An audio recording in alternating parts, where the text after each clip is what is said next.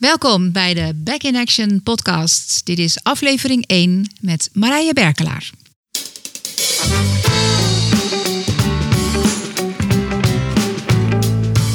Welkom in deze eerste aflevering van de Back in Action podcast. En fijn dat je luistert. Fijn dat je kijkt naar deze aflevering waarbij ik Marije Berkelaar heb geïnterviewd. En zij heeft zich onlangs uh, gepresenteerd in een Facebook Live met uh, de mededeling dat ze verder wil gaan als de eerste medicijnvrije huisarts van Nederland. Ze krijgt het niet langer meer voor elkaar om zoveel medicijnen te verstrekken. En dat is iets wat haar steeds meer in de weg ging zitten, steeds meer dwars ging zitten. En toen ze dat aankondigde, ontplofte zo'n beetje haar mailbox en ook haar uh, likes op, op Facebook. Ze moest een nieuwe pagina aanmaken. En ook die was binnen twee weken naar 5000 uh, volgers ontploft. Uh, ik heb het zien gebeuren, een beetje meegekeken wat er allemaal zich afspeelde. En ik dacht, die vrouw die wil ik interviewen. Um, waarom nou die eerste medicijnvrije huisarts? Um, nou, dingen die, ik, die mij intrigeerden was inderdaad wel, of nog steeds uiteraard, dat je je lichaam, je geluk, dat, daar, dat je zelf de regie kan hebben. Dat er veel van de vragen beantwoord kunnen worden van binnenuit zelf weer de regie hebben over je leven, over de keuzes die je maakt, dat je die ook zelf voor een heel groot deel in handen hebt. Um, nou, verder is zij, zaten er wat overlappen in. Ze, naast dat ze medicijn heeft gestudeerd, dat heb ik dan niet gehaald, maar wel. Ook yoga-docent is een opleiding aan het volgen. Ze heeft een sportachtergrond. Ze heeft de, de link met uh, Wim Hof, de, de ijsman. Dus de koude training. Houdt erg van de natuur. En ik dacht, dat is echt een vrouw, uh, wat ik van haar gezien heb. Dit past in wat ik wil uitdragen, de sfeer die we willen hebben met de Back in Action podcast. Dus contact gezocht. Um, het is een heel fijn, mooi gesprek geworden. Boeiend. Uh, nou, ik nodig je van harte uit om te kijken, om te luisteren. En op het eind doen we ook nog een mooie verloting. Veel plezier met Marije Berkelaar.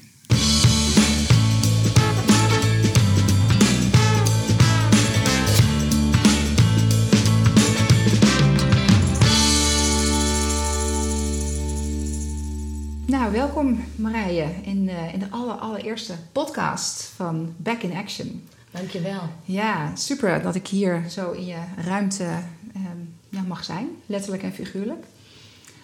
Um, ja, laten we beginnen met te, te vertellen, te, ja, te horen van jou. Wie is Marije Berkelaar? Kan je wat over jezelf vertellen? Hele, hele goede vraag. Ja, diepe zucht. Ja. ja. Um, nou, Um, even kijken, waar zal ik me heen richten? Daarheen of naar jou? We zijn gewoon aan het praten en we nemen het toevallig op. Dus die, ja, laten we inderdaad zo gaan zitten. Ja, ja dat is fijn. Ja, ja klopt. Um, wie is Marije Berkelaar? Ja. Dat ben ik. Ja. Um, het omvat zoveel dat het uh, even lastig te clusteren is. En het is uh, zelfs zo dat ik uh, op 22 augustus een stichting ben begonnen. Stichting ja. Ik Ben Mezelf. En um, um, omdat het thema jezelf zijn, wat mij betreft, als een rode draad door mijn leven loopt. En ik geloof eigenlijk door iedereen's leven. En de ja. ene geeft daar heel veel aandacht aan en de ander heel weinig. Ja. Um, maar hoe ik nu op dit moment het meest bekend ben, is ik ben huisarts. Ja. En ik heb ja. een paar weken geleden een video op Facebook gemaakt. Waarin ik heb aangegeven dat het voor mij niet voel, goed voelt om medicijnen voor te schrijven. En dat ik wil stoppen daarmee. Ja. Um, en dat ga ik ook doen. Ja. Um, dus op die manier ben ik nu de eerste medicijnvrije huisarts van Nederland. Ja, dat is natuurlijk al super. Dat is een hele mooie binnenkomen. Dat is eigenlijk mijn openingsvraag. Ik ga er even bij pakken. Welke knoop heb je onlangs doorgehakt? En wat was daarvan de impact? Lichamelijk, geestelijk, mentaal, fysiek? En ja, daar, daar zit je gelijk in volgens mij, want je hebt een gigantische knoop doorgehakt. Ja, maar de ja. eigenlijke echte knoop die ik bewust heb doorgehakt, ja? dat was de knoop om op social media terug te gaan. Oké, okay. oh, dat ja. is interessant. Ja. Ja. ja, want ik, ben, uh, ik was anderhalf jaar van social media af. Ja. En dat was helemaal heerlijk. Het was geweldig. En ik had ook een, ik had het lekker naar mijn zin, lekker in de natuur en lekker in mijn huis en met de mensen in het echte leven. Ik heb ook geen tv. Nou, geen tv, Ja. geen social media. Het zijn echt ingrediënten voor een een super relaxed leven. Dus, eh, Ja. eh, alleen ik had echt een, het gevoel van ik heb een boodschap te brengen. Ja. En ik ben toen naar een retreat geweest, Inner Beauty Retreat. Ja. En daar heeft iemand me letterlijk eh, tot dit besluit eh, gevraagd: van, is er op dit moment een besluit wat je moet nemen? En mijn besluit was: ga ik wel of niet op social media?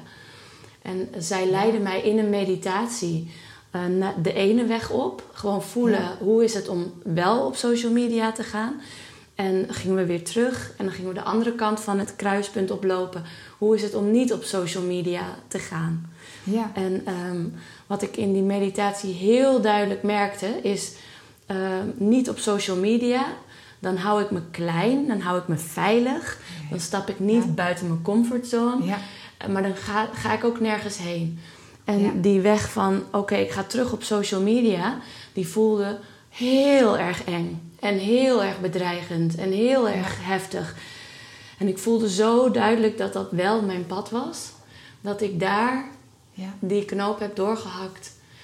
En ik ben inderdaad eh, op social media gegaan. Ja, en hoe? Ja, Ongelooflijk. Ja. ja wat er allemaal eh, gebeurd is. Oh, laat me even horen. Je hebt zo'n prachtig instrument daar voor je. Een space drum. Ja.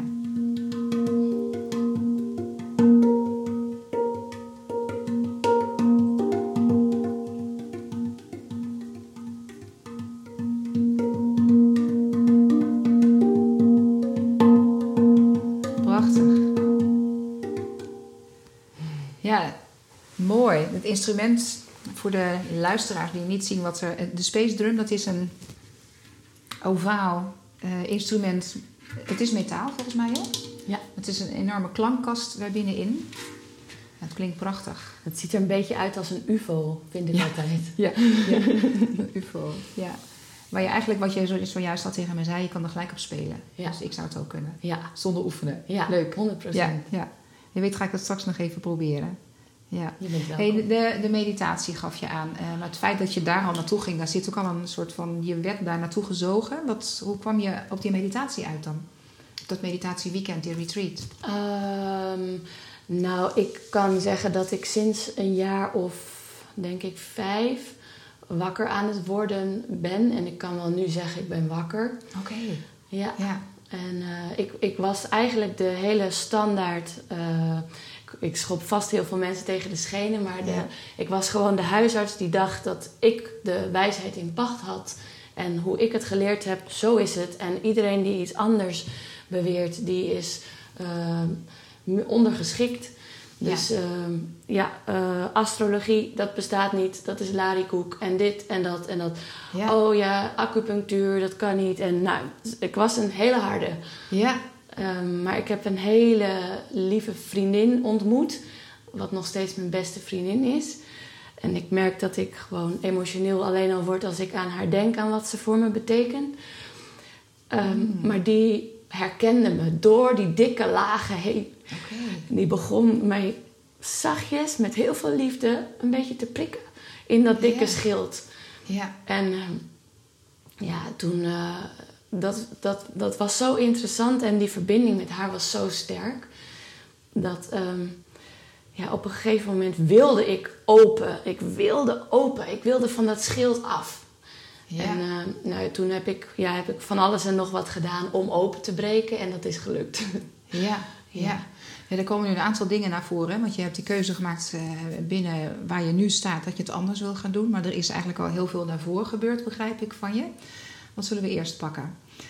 Ik denk dat dat interessant is, wat daar gebeurd is. Want je was dus heel erg rechtlijnig in de medische wetenschap, heel westers denken. ja, 100%. En op een gegeven moment is daar iets ingekomen. Je vriendin speelt een rol. Ja, Samantha uit Ja. Canada, ja. Oké. En hoe is die op jouw pad gekomen dan? hele, hele magische ontmoeting.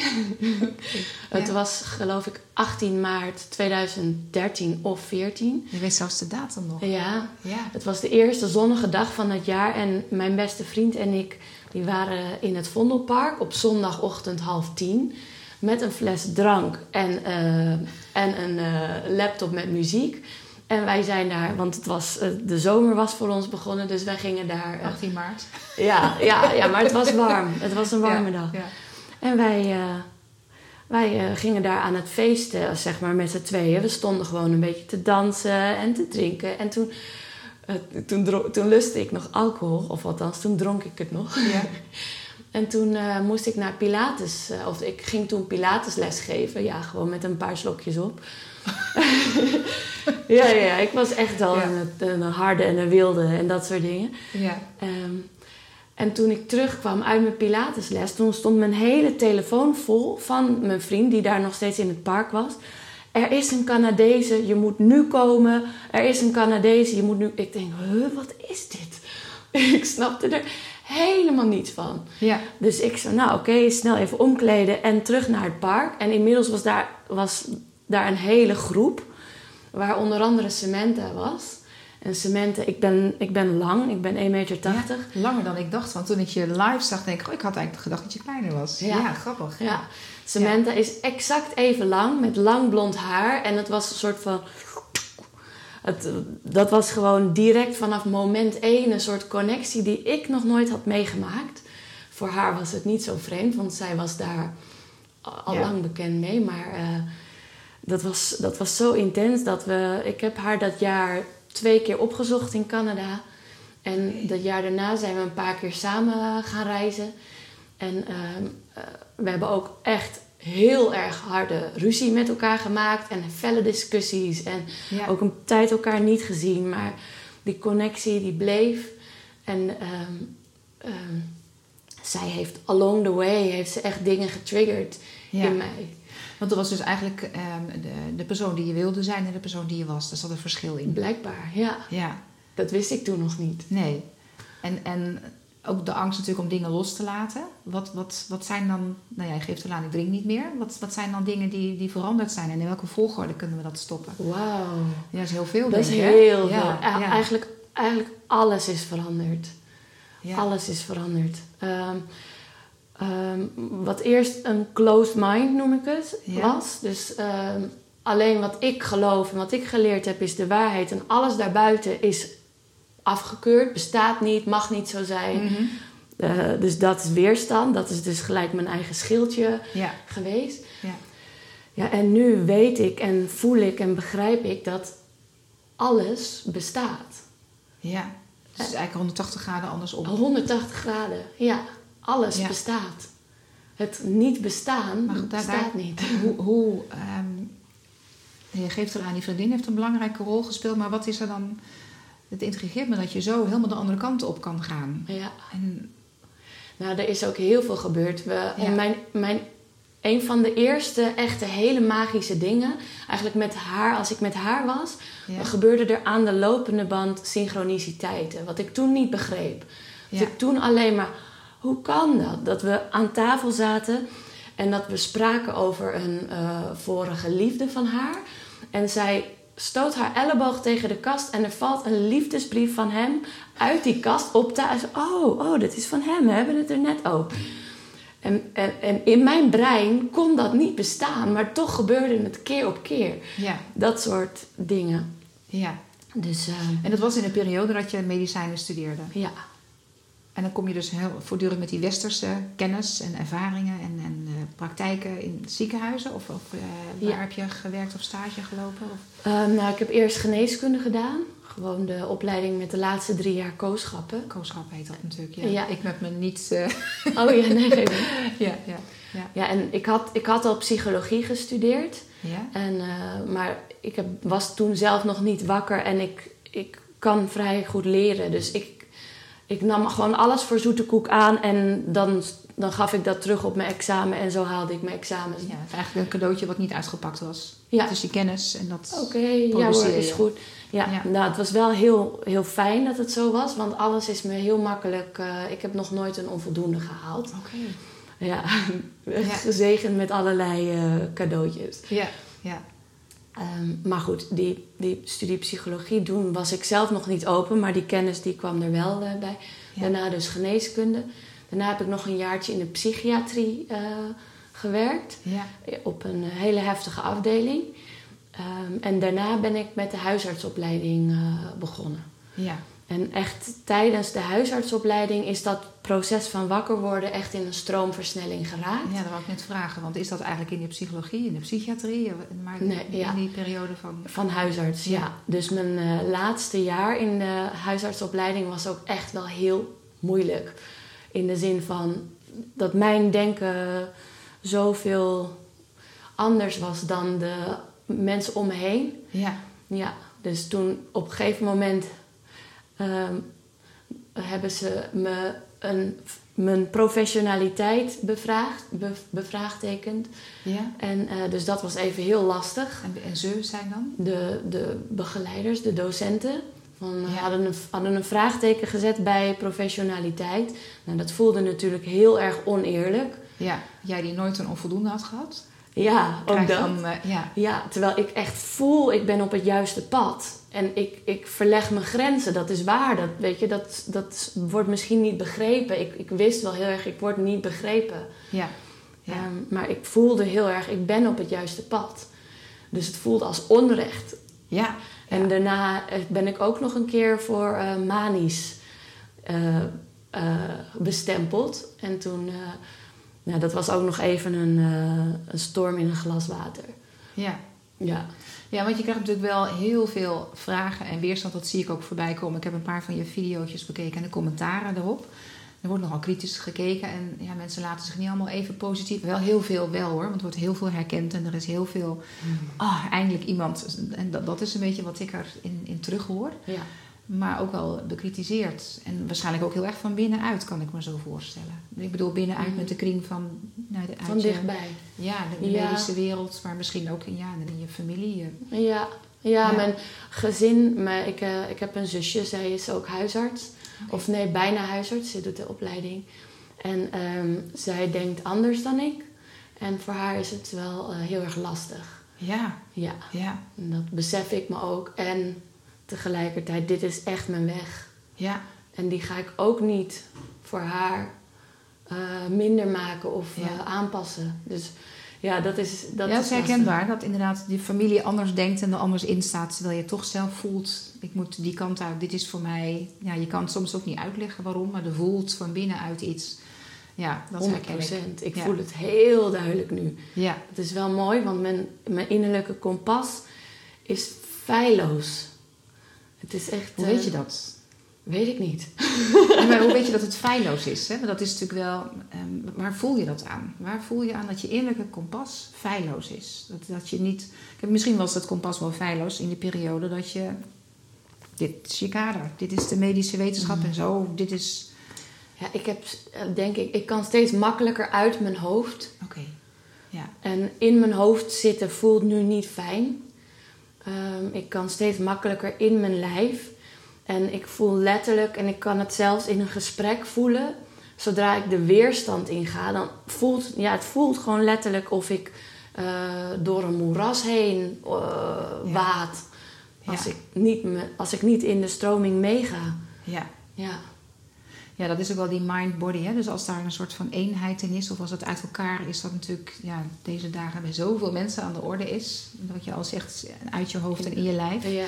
En welke signalen heb je dan in je lijf ehm, gevoeld, gehoord, gemerkt? Ja, ehm, om dit laatste besluit te nemen, om medicijnvrij te worden. Ja. ehm, dat is, nou, de, het meest sterk voelde ik het bij het eh, autoriseren van recepten. En eh, als je huisarts bent, dan moet je elke dag eh, de herhaalrecepten autoriseren.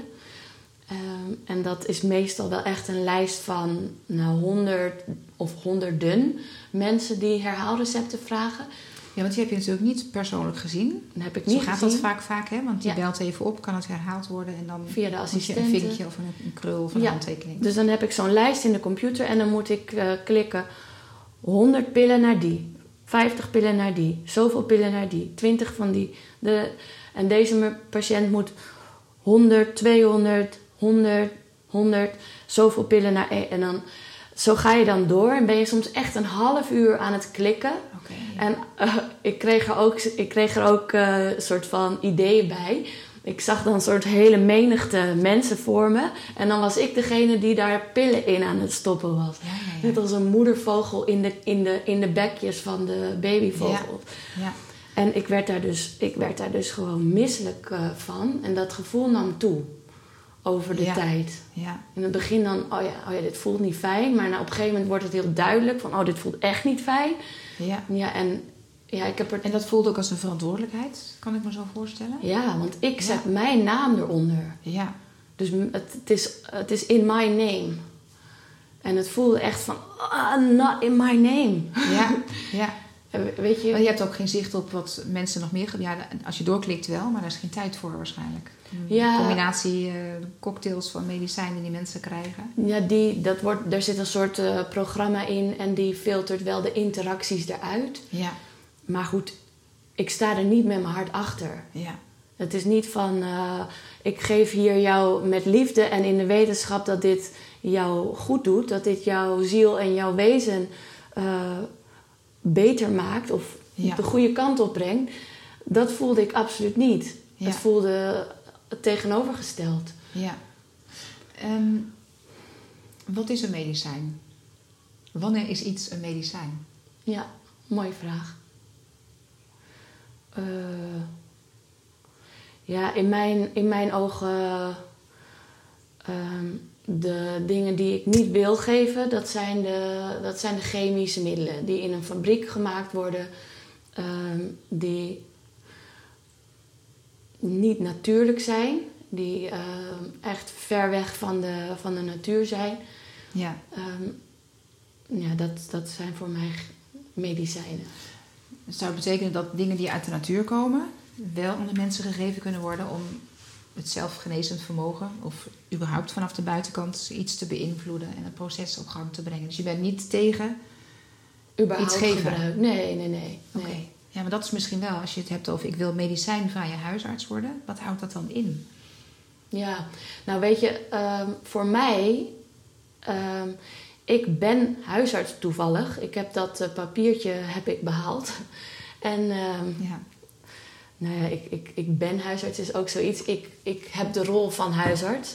Ja. Ehm, en daarnaast stop ik met medicijnen. Dus 1 en 1 is 2. Dan ben ik medicijnvrije huisarts. Ja. Hoe dat verder eh, precies wel en niet moet, of zou moeten, of weet ik, dat, dat weet ik allemaal niet. En Nee, snap ik, want je staat echt in die fase van zo wil ik het niet langer, ik wil het anders, maar hoe het anders moet, dat ben je aan het ontdekken. Dat, dat, ja, en dat maakt me ook niet zoveel uit, want ik ben eh, helemaal niet gehecht aan de status van huisarts of het per se het werk doen van huisarts. Waar ik eigenlijk veel meer aan gehecht ben, is dat ik elke, eh, alles, elk woord wat uit mijn mond komt, elke daad die mijn handen en mijn lijf doen, en zelfs elke gedachte die ik in mijn hoofd heb, dat die vanuit liefde voortkomen en niet vanuit angst of vanuit moeten. Ja, daar moet ik even over nadenken. Dus dat je vanuit liefde de mensen wil. Ik probeer dat ook even te visualiseren. Ik zit dan tegenover de huisarts in de spreekkamer en ik ben daar met een klacht. Ja, nee, maar dat hele beeld mag je dus ook weglaten. Want ik weet nog niet of ik dat ga doen. Ja, Dat, dat zien we wel. Ja. Ik kijk gewoon hoe het pad eh, zich aandient. Ja. En, eh, Ja, want ik zat inderdaad ook al verder te denken. Dan heb je op een gegeven moment wel eh, een groep mensen die je gaat... waar je een gids of een begeleider of een arts of een... zal ik je even een cadeautje geven? Het is nu, eh, even kijken hoor. Het is nu 16 oktober, nu we dit Ja. opnemen. Ja, En eh, jij gaat dit... 28 november komt deze... Want dan is iemand jarig. Je hebt jezelf een doel gesteld. Ik ga medicijnvrije huisarts worden. En ik heb mezelf tot doel gesteld. Ik ga podcasts opnemen. En wel 60, omdat ik op 28 november 60 word. Ja, dus dat is inderdaad mooi. ook een uitdaging die heel veel angst ook heeft. Hè? Want dit is voor mij ook nieuw. En hoe gaat dat allemaal? En hoe ga ik al die mensen vinden? Ja. Eh, nou, dat is mijn eh tussen haakjes probleem. Uitdaging, is het Uitdaging? eigenlijk veel eerder. Ik zie het heel erg als een uitdaging. Ja, ja. Dus leuk. Mooi. Ja, en, en jouw uitdaging is... Hoe ga ik dat vormgeven? Je keek op je... Het is 16 Oh ja, oktober. ja wat ik ga doen, eh, want ehm, wat in de pijpleiding zit, en waarschijnlijk als dit uitkomt, dan is het al de wereld in. Ja. Ehm, op, ik ga het gewoon zeggen, ehm, op 7 maart. Op 7 maart 2020 gaat er ehm, met de kennis die ik nu heb, gaat er een evenement plaatsvinden. ehm, waarin ehm, er ruimte is voor mensen die een natuurlijke manier van genezen zoeken. Mensen die een natuurlijke manier van genezen aanbieden. En een misschien wel steeds groter wordende groep huisartsen. Met mij als eerst. Dus, eh, En dat evenement? En dat evenement, eh, daar mogen ongeveer 300, 350 mensen komen. En op dat evenement gaan er verschillende dingen plaatsvinden. Dus ik zal wellicht eh, met een aantal mensen een anamnese, zoals dat heet, een vraaggesprek Ja. eh, houden. En dan ehm, mogen de mensen uit de zaal ook, eh, hè, als er iets opkomt, iets zeggen. Hopelijk wordt het geen geschreeuw, maar dat moeten we nog allemaal. eh, nee, dat zal, Het zal vast heel mooi worden. ja. En ja, wat ik daarmee kan doen, want kijk, zoals ik al zei, ik ben al huisarts, althans ik heb die, eh, dat, dat dingetje al. Ik ga stoppen met medicijnen, want dat voelt niet goed voor mij.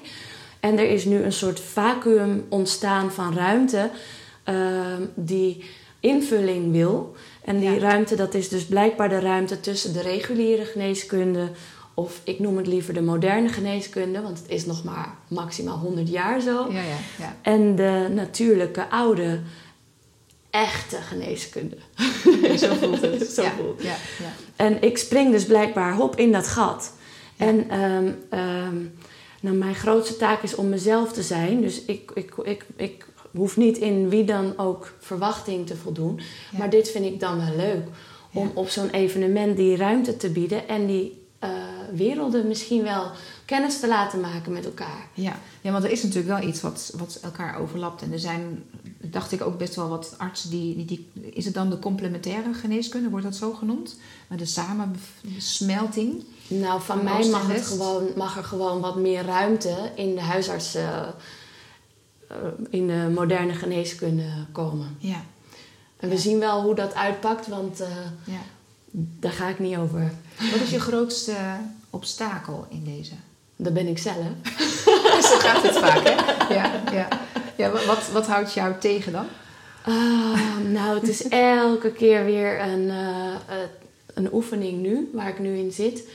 Ehm, want er is de hoeveelheid prikkels en de hoeveelheid vragen en de hoeveelheid verwachtingen die nu eh, naar me toe komen, is echt gigantisch. Ja, ja. En eh, dus het is elke keer weer voor mij een les. Hoe ga ik hiermee om? Hoe blijf ik bij mezelf? En af en toe, zoals gisteren, dan. eh, gisteren ben ik begonnen om half zes met het typen van een, eh, van een bedrijfsplan, van een businessplan. ja. Nou, ik ben, ik ben geen bedrijfskundige. Ja, dat is een heel ander vak, hè? Financi- financiën ben ik ook niet per se voor in de wieg gelegd. En dan moet ik ineens zo'n businessplan. Dus dan, nou, dan ga ik dus zwaar out of my power. En ik heb daar denk ik vijf uur over zitten typen. Überhaupt vijf uur voor een laptop lijkt mij eerlijk gezegd niet zo gezond voor dit systeem. En Ja. ja, Soms is het even nodig om het uit je hoofd te krijgen en, en op papier. ja maar ja, dan, dan, dan zit ik dus echt in mijn hoofd en dan ben ik zo ongelukkig. En, en dan gisteravond eh, nou, ben ik heel boos geworden op mijn man. En moest ik heel erg huilen. En de Oh. poes was ziek. En toen moest ik daar ook nog heel erg over huilen. Oh en, ja. ja. Dus toen had ik even eh, een mental breakdown. En ik heb een steeds groter wordende groep van hele fijne mensen om me heen. En die zeiden, joh, we zijn je even kwijt.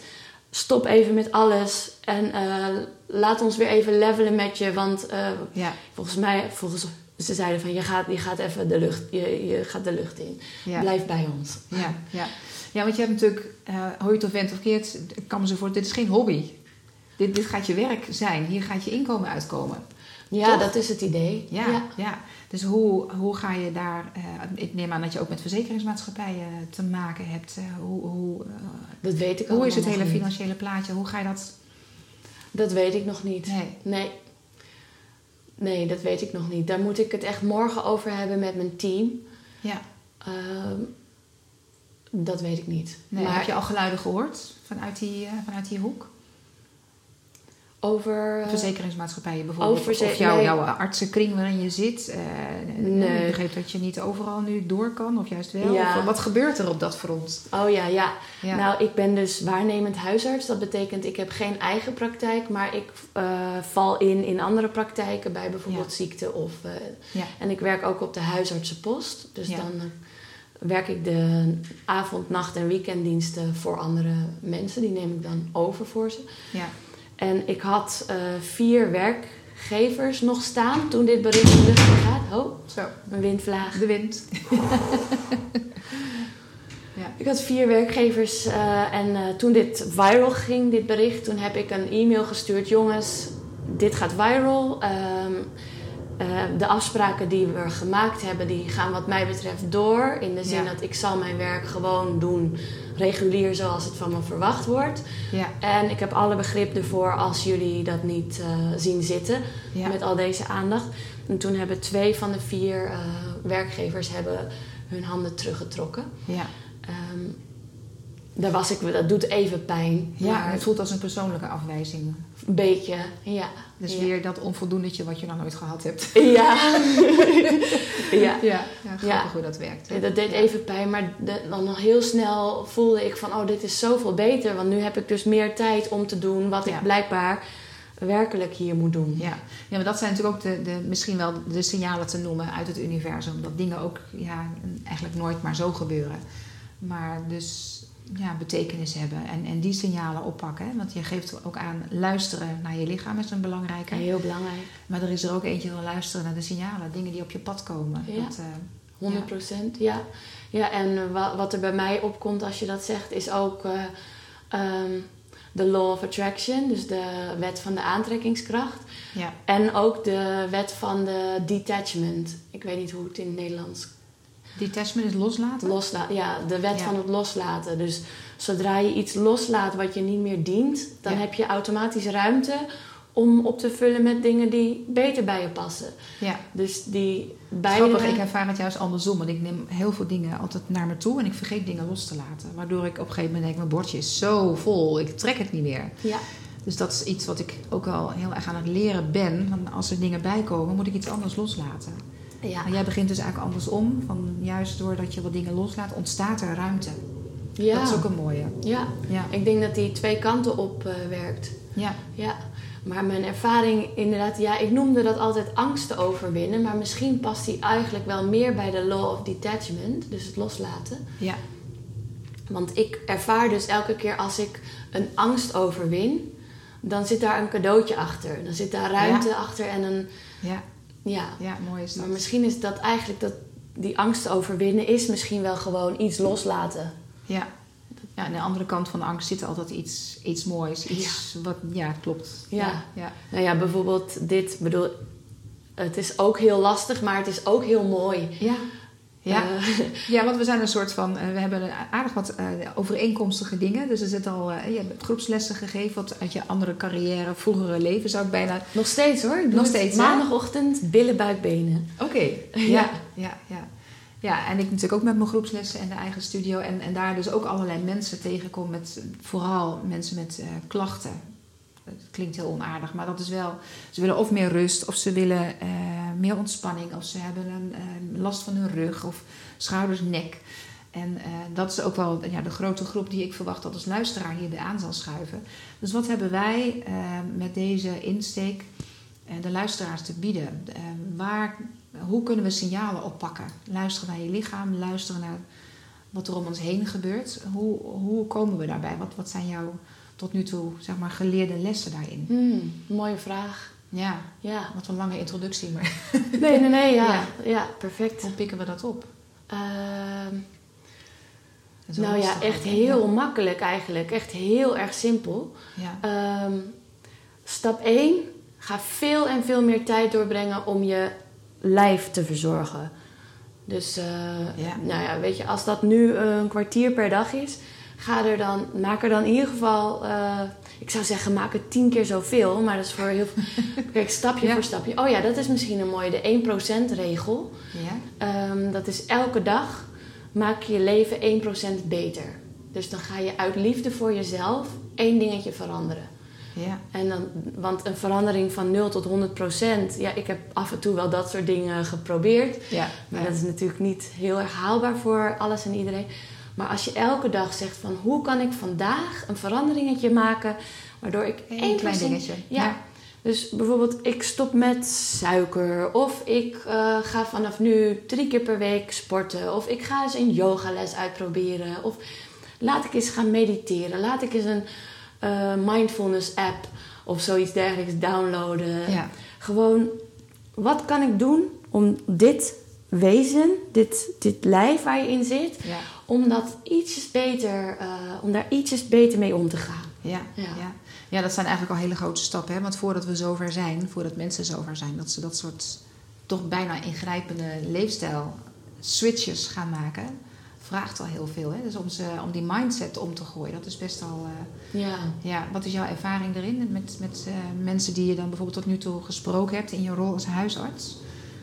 Ja, het zijn daar ook gesprekken al geweest dat je ja, gewoon ziet die persoon voor je met. Ja, ja mijn, wat, wat, wat mijn talent altijd is, is om eh, zo ja, de vinger op de zere plek te leggen. Ja, En dat doet soms even pijn en dat is soms helemaal niet leuk. En eh, Ja. ik, heb, ik heb wel eens dagen gehad dat ieder consult dat er gehuild werd. Ja. Dat, er, dat, dat, dat noemde ik dan. En daar, eh, daar viel het AMC, mijn, eh, de huisartsopleiding, ook over. Dat ik had gezegd, ja, ik heb een streak gehaald. Een streak is een oh consecutive number of successes. ja. Ehm, Dus een opeenvolgende reeks van successen. En voor mij voelde het, want het voelde als een ontlading.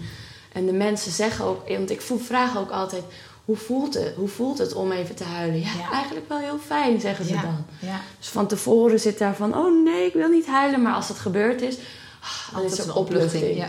Ja. ja, ja. Dus Ja. ik heb wel eens dus een hele dag dat achter elkaar gehad. Ehm, ja. ja, dus dat. eh, En in jouw werk als. ehm, eh, je geeft Pilatesles, je yogaopleiding, ben je mee bezig of is het klaar? Maar in ieder geval in je les met, met groeps. ehm, eh, je hebt een groep mensen voor je neus. Spelen die dingen dan ook? Zie je dan ook dingen gebeuren? Kan je dat mm, ook in, in die situatie sturen? Dat weet ik eigenlijk niet. Eh, waar, ik nu, waar ik nu les geef hier in het dorp, ehm, daar hebben we vooral heel veel lol met elkaar. Ja. En daar nemen we gewoon niets serieus en we lopen gewoon grappen te maken. En, eh, Ja. ehm, dus ja, dat, dat is gewoon een hele veilige, leuke groep waar, niet echt, eh, waar ik eigenlijk niet heel veel mee doe, behalve gewoon zijn. Ja, Ik heb vroeger in Amsterdam lesgegeven en ik weet wel dat er af en toe, of best wel vaak, mensen dan na de les naar je toe komen en, ze, en die zeggen van, oh je raakte me met dit, of oh dit was precies. heel Ja. zinvol voor me. Maar goed, daar was ik niet bewust mee bezig van, oh wat ga ik tegen wie zeggen of zo. Ja, ja. Nee. En wat- heeft eh, yoga gebracht? Eh, de opleiding, de yoga filosofie, die natuurlijk ook uit die de, Ja. ja, de linkerhand gebruiken, want die had jij net ook. Daar is het rechts. Oh ja. Klopt dat ook? De zon en de maankant. Oh ja. Ja, nou ja. Ehm, maar wat, wat heeft yoga... eh, ik ben hier in jouw kamer en er zijn best wel wat yoga-invloeden. Hier, de Ja. sfeer, mooie muurschilderingen, eh de Boeddha-beeldjes. de- we zitten op de grond. Je hebt je eh, space drum. Dus dat speelt een, zichtbare rol in je leven. Ja. Ook in, in, in Ja, 100 procent. Ja. Ja. ja. wat, wat ik denk dat, je, dat, als, dat wie dan ook bij yoga gaat leren. Eigenlijk, vandaag was ik dus bij yoga. Ik heb vanmorgen yogales gevolgd. En ik had even een paar minuten gesprekje met de docenten na die tijd. En eh, wat, wat we uitwisselden, wat ik zei tegen haar, is ja, eigenlijk op de huisartsenpraktijk, op de deur, moet gewoon, ben je al, heb je al yoga gedaan? Nee, kom dan daarna maar weer terug. Oh ja, ja, ja. ja. ja. Ja, want eh, yoga voor mij is een, eh, zie ik als een manier waarop de westerse wereld ehm, op een nu hele geaccepteerde manier ja. toch het lijf in kan. ja. Waar je toch gewoon even een uurtje ehm, met je lijf bezig kan zijn. Ja. En echt verbinden. En niet Ja. alleen eh, oh, ik doe dit en dit en dit, Ja. maar ik zit nog steeds in mijn hoofd. Dus het fitness is fantastisch, maar daar kun je nog steeds wel. Maar met het yoga, het yoga vraagt je en nodigt je meer uit om echt je lijf in te gaan. Ja, En het is toegankelijk en populair bij, de, bij iedereen. ja, ja. Dus Ja, vooral de rol die adem daar ook in speelt. Hè? Want via de adem verbind je het denken en het voelen. Je Ja. hoofd en je lijf. Dus die adem is zo super belangrijk. ja. Ja. Is dat ook iets, want het lijkt me zo heel... ehm, ja, ik ga weer terug naar, naar je rol als huisarts. Als je iemand tegenover je ziet en gespannen en vraagt... eh, wat kan ik doen? En hoge bloeddruk en suiker. En, dat je via die ademhaling ook dat soort processen kan sturen. Komt dat aan bod in de spreekkamer?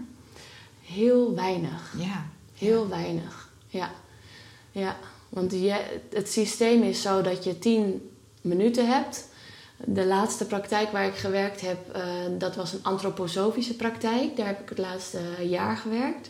Ja. En daar eh, was en de tijd iets ruimer. Maar goed, dat, eh, financieel gezien is dat voor de, voor de praktijkeigenaar heel erg ongunstig. Want Ja. je snijdt gewoon in je eigen portemonnee door een kwartier per patiënt te Ja. hebben. Ja. Ehm, maar goed, daar was een hele mooie, liefdevolle praktijk met antroposofie. En daar stonden de mensen vergeleken met eh, gemiddeld toch ook wel iets meer open Ja. voor dat soort eh, aanwijzingen. Eh Sommigen sommige natuurlijk heel veel, maar ook wel heel veel mensen niet. Die komen toch bij de huisarts van: Ik heb een probleem, wat is het antwoord? Ja. Zonder bereid te zijn om naar binnen te kijken. Ja. En Ja. in die gevallen is het enige wat ik soms kon toevoegen, is even reflecteren van. Ja, dan zei ik bijvoorbeeld in de casus wat jij net eh, omschreef, dan zou ik zeggen: Ja, ik kan, ik kan wel een, een antwoord geven op je vraag, maar er zit hier gewoon een heel gespannen mens voor mij. Ja. En dat komt dan soms binnen als de persoon ervoor Ja, precies. open staat van... Ja. Oh, oh, kijk, ik, zie er gewoon heel, ik ben gewoon heel gespannen. Want mensen Ja. weten het vaak helemaal niet. Ja. ja, want een bloeddruk wordt bijvoorbeeld heel makkelijk even opgenomen. Hè, dat is, kost niet zoveel tijd. En je zou ook het aantal ademhalingen in een minuut als een soort instrument kunnen gebruiken. Hoe vaak ademt die persoon op dat moment in één minuut? Dus het kost een minuutje tijd. En daar kan je ook al. Maar het, het is natuurlijk ook weer vanuit de hele farmaceutische industrie gedacht. Niet interessant om ademhaling als instrument in te gaan zetten. Precies. verdienen ze niks aan. Nee. Merk je dat, dat soort invloeden ook? Dat die, de, de, de invloed, dat is misschien wel een heel suggestieve Ja. vraag, zo wil ik hem eigenlijk helemaal niet stellen. Maar Ik snap Ja. hoe je hem bedoelt. En eh, vind ik echt een hele moeilijke inderdaad ook om Ja. antwoord op te geven. Want ehm, de mensen, de huisartsen en de docenten en eh, de artsen en de specialisten... en ook de opleiders van artsen en specialisten... eh, ik geloof werkelijk niet dat die bewust bezig zijn met wat wil de farmaceut. En nee. hoe, Nee. Want het, het is eigenlijk echt gewoon een heel onbewust patroon wat er ingeslepen is. En dat is meer van dit is de norm en hoe voldoe ik aan de norm. Ja. ja. Dus, dus er zit, ik heb eigenlijk vrijwel geen mensen met kwade wil of kwade bedoelingen nee, ontmoet. Ja, ja. Nee. Nee, dat geloof ik inderdaad ook al. eh, ja. Ja. Maar het, is, ja, het zijn wel een soort van protocollen waar we soms eh, structuren, systemen waar we in, in vast. eh, Ja, structuren, systemen, ja. ja. Want ook Ja. als je de huisartsenstandaarden leest, dan is eigenlijk altijd het eerste niet-medicamenteuze adviezen. Ehm, maar daar wordt ook wel heel snel overheen gestapt, omdat we de tijd en de ruimte er niet voor hebben. En de Ja. bereidheid van de patiënt is er vaak ook niet. ja. ja. Of die is er misschien wel, maar dat kost toch wat meer tijd om dat aan te boren. Zeg Ja. maar. Ja, precies, want dan moet je ook die mindset zien eh, te creëren bij de persoon. Ja. Ja, om leefstijlgerichte tips of eh, ja, adviezen te kunnen geven. Ja, eh, en om, want ontvankelijk zijn voor adviezen is eh, best wel iets heftigs, is best wel iets moeilijks. Ja. Ehm, en de meeste patiënten zijn eigenlijk niet ontvankelijk voor adviezen. ja. Dus, Nee, dat eh, klopt. Want inderdaad, zeker de generatie boven ons, als er een ziekte is, dan kunnen we het ook nog over hebben. Wat is eigenlijk de ziekte en wat is de zin überhaupt van ziekte? Maar dan ga je naar een arts of een specialist met je, hè, want vaak ook mensen die bij mij lessen volgen, ja, last van de knie of de schouder. Ik moet toch maar eens een fotootje laten maken. En met dan toch waarschijnlijk ook de vraag, doe er iets aan. Zonder naar binnen te gaan en Ja. te bedenken, waar zou het vandaan komen dat ik last heb? Ja. Wat doe ik eigenlijk de hele week door? En, En wat vertelt mijn li- lijf me? Wat vraagt mijn lijf van me? ja, dus dat is best een uitdaging. En dat, ik kan me voorstellen dat je dat niet in 10 minuten redt in een gesprekje. Nee, nee. Dat is echt wel heel uitdagend. Dus zouden we ook de, de mensen in zijn algemeenheid. eh, nou ja, dat is ook de, wat, wat ik met deze podcast ook graag zou willen bereiken. Dat wij helpen mensen te inspireren om te luisteren naar hun lichaam. En wat voor tools zijn er dan nog meer? Ja. Ja, Nou ja, wat, wat, mijn, eh, wat ik eh, zou willen, als, als, ik, als ik hier toch dit veld mag Ja. behandelen, gebruik het. dan, ja. eh, dan zou ik willen, want er er, er is dus een hele grote groep mensen die ademspecialist, meditatiespecialist, yogadocent, sportdocent, leefstijlcoach, eh, nou, noem het maar op. Maar die mensen, die zijn er allemaal al. ja. Er zijn al experts op alle gebieden. Er zijn al allerlei mensen die allerlei ziektes op natuurlijke manieren hebben zijn overkomen. ja. Ehm, alleen die groep die is een beetje onaangeboord. Eh, en ik geloof dat we daar veel meer op mogen intunen en daar veel meer gebruik van mogen maken. Dat is ook jouw eh, volgende plan volgens mij. hè? Je gaat een, eh, de verhalen ga je verzamelen. Ja, heb ik gelezen. Ja. ja. ja. Want wat, wat hoop je daarmee, ehm, wat is je idee daarachter? Buiten dan dat het interessante verhalen gaan zijn. Maar je Nou, hebt een soort overkoepelend... Het, het, het is, en dat begrijp ik ook heel goed, want ik was ook zo'n arts, maar het mag er niet zijn. Het is alleen maar op zo'n manier, op mijn manier te behandelen. En als jij natuurlijk bent genezen, nou dan bestond jouw klacht in de eerste instantie niet. Of dan eh, was het allemaal Ja. zo erg niet. Ja. Of eh, nou, in ieder geval, dat, dat, dat mag niet, dat kan niet. En in zo'n boek wil ik eigenlijk gewoon laten zien... Nou ja, dit, je kan wel zeggen van niet, maar dit, dit is er allemaal wel. Ja. Dit zijn gewoon allemaal mensen die het wel al hebben gedaan.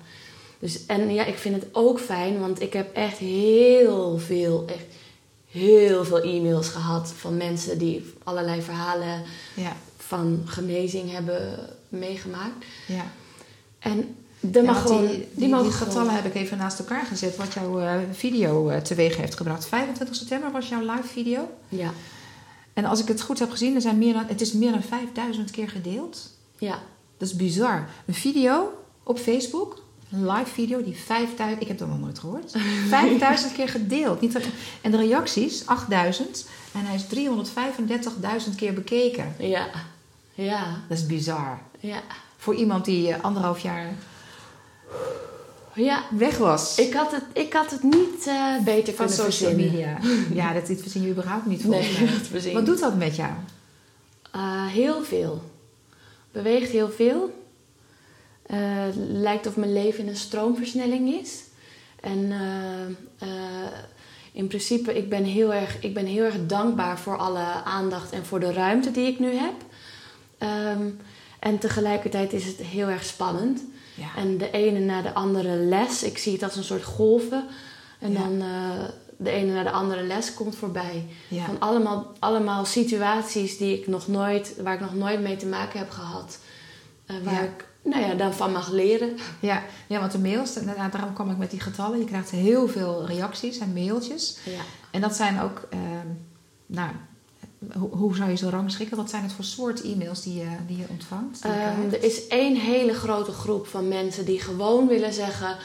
Dankjewel dat je dit eind, dat, dat, dat, hè, ik ben zo dankbaar dat er eindelijk iemand is opgestaan en ik uh, heb hier zo lang naar ver, verlangd en ik steun je en dus uh, de steunbetuigingen. Ja. En dan heb je ook uh, een hele grote groep uh, mensen die zeggen: Oh, wat fijn, wat geweldig. En ik doe dit. En kijk even op mijn website, staat er dan vaak bij. En bel me. En ik wil ook graag met je van gedachten wisselen. Dus in het begin en nog steeds af en toe vliegt het me aan, want er is zoveel vraag. En als Ja. ik werkelijk overal op in zou gaan, dan ben ik volgeboekt tot het eind van mijn leven. Dus dat nee zeggen is ook een hele grote Ja. uitdaging. Ja. En dan heb je ook nog een uh, groep mensen die zeggen van... Uh, ik, ik wil patiënt worden bij je. Waar, Ja. Wanneer kan ik me aanmelden? En je hebt ook mensen die zeggen... ik heb dit en dit en dit als klacht. Wat is daarop jouw antwoord? Ja. Ja. Ja, nou ja, mijn antwoord op al die vragen is... het antwoord is niet in mij, het antwoord is in jou. Ja. Dus ga op zoek. Ja. Ja, dankjewel, zegt die persoon dan. Ja, Ja. ja. En hoe zou je dat dan, want dat, dat zijn misschien je toekomstige patiënten. Ja, ik, ik weet niet of ik een huisartsenpraktijk echt uh, ga. Oké, ja. Ik, ik, nee, denk het niet. Nee. Nee, ja, dat, is, dat is nog te nieuw en, en te fris. Je hebt gezegd, zo wil ik het niet langer. Dat is eigenlijk de stap die je gezet hebt, maar je hebt nog niet een plan hoe ik het heb gaat wel, worden. Ik heb wel een plan, maar dat is niet een huisartsenpraktijk. Oké, ja. Ja. Want, hoe, eh, want jouw missie, ik kan me zo voorstellen, je bent wel die, die opleiding gaan doen, is wel om mensen te helpen, mensen verder te helpen. Ja. Maar nu zit ik het in te vullen voor jou. Wat is je missie? Ehm, eigenlijk is mijn missie om eh, de planeet te helpen, de aarde. Oké. En eh, mensen zijn de grootste eh, invloed daarop. Ehm, dus laat ik daar maar beginnen. Vroeger wilde ik dierenarts worden. Oké. Tot ik Ja. besefte dat mensen meer invloed hebben, oftewel belangrijker soort van zijn. Ja. En eh, toen eh, ben ik geneeskunde, of eerst psychologie, en daarna geneeskunde gaan doen. Ja. Ja. Een hele bijzondere route. Ja, ja. ja. Maar wat is de, de overeenkomst in al die ehm, richtingen die je gedaan hebt? Er zit natuurlijk toch een soort van... Nou, het hoort en het past ook allemaal bij elkaar. Want jij gaat het doen. Het is voor jou. Ja. ja, ik denk dat ik me op allerlei manieren in eh, eh, mezelf heb verdiept. Ja. Maar niet, niet, niet alleen mijzelf, maar mijzelf in de vorm van mens, ehm, bewustzijn. Ja. Ja. Ja, want dat eigenlijk, wat mij betreft, misschien heb jij ook nog dingen die je zou willen benadrukken, maar even het laatste hoofdstukje zeg maar, van dit gesprek. Je stichting Ja. ben je gestart. ja. Vertel daar eens over. Ja, nou, dit is dus ook echt geboren eh, vanuit een, eh, vanuit een verlangen. Zonder per se een, eh, een, een einddoel of zoiets dergelijks te hebben. Ja, Want eerlijk gezegd, mijn, eh, hoe, hoe ik de laatste tijd creëer, manifesteer en leef, ja, is ook gewoon vanuit het nu-moment laten opbloeien. Zonder te zeggen, het moet aan het eind dat worden. Dat was ik vroeger. ja, Taakgericht van eh, dit is een plan en dan bam er naartoe. En nu is het eerder in het nu en vanuit het nu op laten bloeien wat Ja. er komt. Ja, ik wilde iets. Ik wilde iets groters neerzetten dan, eh, dan alleen in een praktijkje huisarts eh, patiënt voor patiënt eh, zien. En ehm, ja, want de stichting, even de naam is Ik wil mezelf zijn. ik ben mezelf. Ik ben mezelf niet. Ik wil het niet zijn, ik ben ik ben mezelf. Ja. En waarom, waarom dat dan vormgieten in een stichting? Het ja, gaat dus echt verder dan alleen maar ik ben mezelf. Ja. Je wil dat ook naar buiten uitdragen. ja, En zelfs, je hebt ergens iets ondertekend, want een stichting is ook een Ja. formeel iets. ja, echt bij de notaris. Ja? Ja. Ehm, ja, een eh, stichting is natuurlijk een rechtspersoon, dus dat is iets wat buiten mijzelf. Dus ik zie het ook werkelijk als mijn kindje. En de, het logo is ook de Seed of Life. Ja. En die heb ik ook eh, hier. Als een tattoo op Zal je ik hem laten staan? Ja. Laten zien? Ja. Kijk, voor de... En ik heb hem op meerdere plekken al hier in huis. Op je voordeur staat hij. Ja. Ja, dat is mijn eh, logo en dit was ook mijn eerste tattoo. En toen Ja. wist ik nog helemaal niet van dit natuurlijk. Dat is gewoon later gebloeid. Maar je voelde er al wel iets bij. Ja, Ja. ja. dus die Seed of Life, dit is wat ik nalaat in de wereld. Oké. Ik ben mezelf. Ja, Ja. En met alles wat ik geleerd heb tot nu toe, eh, was toch wel het belangrijkste om bij jezelf te blijven. En jezelf te zijn. En is dat ook de les die je aan de mensen... Wat eigenlijk misschien helemaal onder jouw, jouw besluit ook ligt natuurlijk. Hè, maar wat je ook wil uitdragen. Ja, Ja. ja. Ja, want iedereen loopt hier zijn eigen heilige pad. Jij, jij, ook, jij bent nu onderweg naar verlichting op jouw pad. En jouw pad is anders dan die van de anderen. Er is geen vergelijking mogelijk.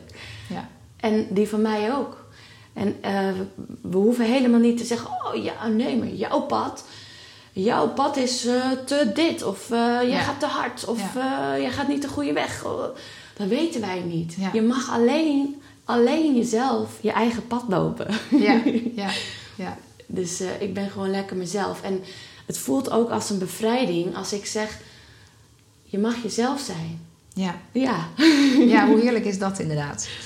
Ja, en, en, ehm, maar, maar- die, die, die rechtsvorm, daar heb je dan ook eh, soort, heb je iets bij voor ogen, kan ik me zo voorstellen. Dus niet, dit is die actie van ik ga, dat ook, eh, ik ga er een stichting van maken. Wat wil je daarmee? Ik wil eigenlijk zoveel mogelijk mensen inspireren om zichzelf te zijn. En op de website kan je ook uh, basics en uh, een stapje verder zien. Want je van- geeft cursussen, workshops daaromheen om dat thema. Nou, dat, ik heb alleen even twee, uh, of ik had vier workshops de lucht ingeschoten om even een idee aan de grond te krijgen. Ja, ja, ja. Dat ik echt iets fysieks neerzet. En, uh, maar workshops geven is niet mijn, uh, uh, gaat niet mijn levenspassie worden. Ja, Nee. ja. Veel liever ehm, ga ik voor grote menigte staan. Oké. Dat vind ik leuk, Platform. denk ik. Ja, Ja. gewoon eh, echt voor een grote groep mensen. En dan zonder idee gewoon open, de kanaal openzetten en dan Ja. laten, laten stromen wat er wil stromen. Ja. Dat eh, doe ik Hoe liever. kunnen mensen jou vinden? Eh, Jouw gedachtegoed volgen? Eerst de je- medicijnvrije huisarts op Facebook, de pagina. Eerste medicijnvrije huisarts? Ja, volgens mij zit er de eerste medicijnvrije huisarts van Nederland. Oké. Maar volgens mij als je de helft intypt, dan heb We je zullen hem het nog even onder deze podcast ook voluit noemen als een linkje even. Ja, dank je. De eerste medicijnvrije huisarts en verder? Ehm, ja, en op www.ikbenmezelf.com Oké. Daar, eh, daar kun je het, het basisgedachtegoed zien. En ehm, eh, daar kun je echt ook de basic tools vinden om lekker jezelf te zijn. Ja. Kan je één tipje van de sluier oplichten? Wat voor tool kunnen we daar bijvoorbeeld vinden? Om, om ons even over die drempel die er mogelijk is, om echt even die stap te zetten. Ja. Nou, bijvoorbeeld de basics, dat gaat over emoties, eh, je lichaam en gedachten. Ja. En dan eh, bij emoties staat er bijvoorbeeld emoties die mogen stromen. En eh, we hebben allemaal emoties en emoties die geven ook houding. Dus je kunt bijvoorbeeld aan een dier zien als hij bang is, Ja. of als hij boos is, of als hij. Ja, dus dat kun je gewoon zien. En wij mensen, wij houden het vaak in. Vooral als we volwassen zijn. Dus voornamelijk aantrekking, boosheid en... ehm, ehm, wat was het ook weer? Aantrekking, boosheid en... eh, oh ja, kwetsbaarheid. Dat zijn de drie dingen die wij volgens mij het allermoeilijkst vinden. En als Ja. we dat ervaren, dan gaan we op slot. Ja. Want oh jee, je vindt iemand aantrekkelijk. Maar oh jee, als je afgewezen wordt, dat is Ja. eng. Dus ja, angst. nou ja, dat sla je op in je lijf. En ik geloof dat alle emoties die vastzitten in je lijf, eh, die kunnen leiden tot eenzaamheid, depressie en klachten, fysieke klachten. Ja. Nou, dat is een tipje van de sluier van emotie. Ja, wat we via yoga natuurlijk allemaal weer een soort van in omgekeerde volgorde weer uit het lichaam zien te halen en eh, het weer mag gaan stromen. Juist. Ja, ja. ja, ja, mooi. Is er nog iets wat je eh, aan, de, aan de luisteraars van deze podcast, van deze aflevering mee zou willen geven? Het is natuurlijk leuk als eh, nou, mensen die iets gehad hebben aan deze podcast, aan eh, inspiratie, eh, dat ze kunnen reageren. En van jou bijvoorbeeld, je hebt al aangegeven, ik ben met een boek bezig, ik ben met een event bezig. Ja. Ben je Ehm, daarvoor?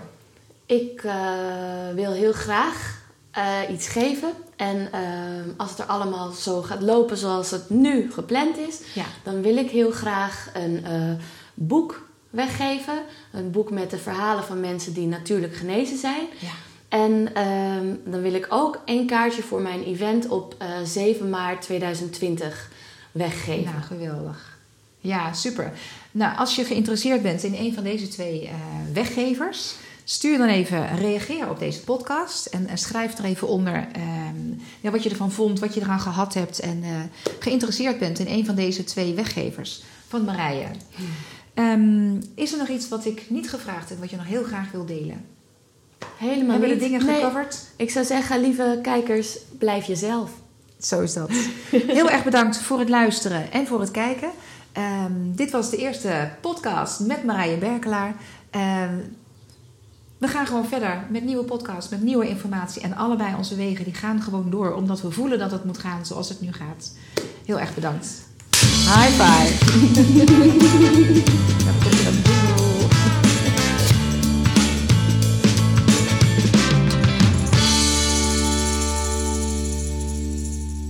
Goed, tot zover deze allereerste podcast met Marije Berkelaar. Ik hoop dat je ervan genoten hebt en eh, ook zin hebt in meer. De nieuwe podcast die staat dan weer voor je klaar. Eh, maar eerst nog even, de actualiteit is inmiddels zo dat Marije heeft besloten om van social media weer af te gaan. Het is veel te veel en overwhelming geweest voor haar. Dat betekent niet dat haar activiteiten stilstaan. Ze blijft verhalen verzamelen en eh, gaat daarmee aan de slag om dat boek te maken verhalen van mensen die eh, een wending hebben gegeven aan hun leven, waar ze in de podcast over gesproken heeft. En um, ja, de Facebookpagina die blijft gewoon online. Uh, en uiteraard, die event gaat ze mee door. Dus daar, die, uh, mocht je mee willen dingen naar uh, die verloting, stuur dan je aanvraag naar info at mindyourbodyfitness.nl. En ik ga ervoor zorgen dat die aanvragen bij Marije terechtkomen en dat de winnaars daar automatisch en vanzelf op de hoogte gebracht worden. Um, tot zover. Volgende podcast staat dus voor je klaar en dat is met de videovakvrouw Elisabeth Griffioen. Om betere video's te maken. Ik ben bij haar in cursus en training geweest, maar ik ben vooral nu op zoek naar hoe staat zij, um, hoe, welke keuzes heeft ze gemaakt, beslissende keuzes heeft ze gemaakt in haar leven. Um, en welke wendingen zijn er ontstaan en welke stappen heeft zij daarvoor gezet. Goed, tot de volgende podcast en voor nu bedankt voor het luisteren en het kijken. Dag!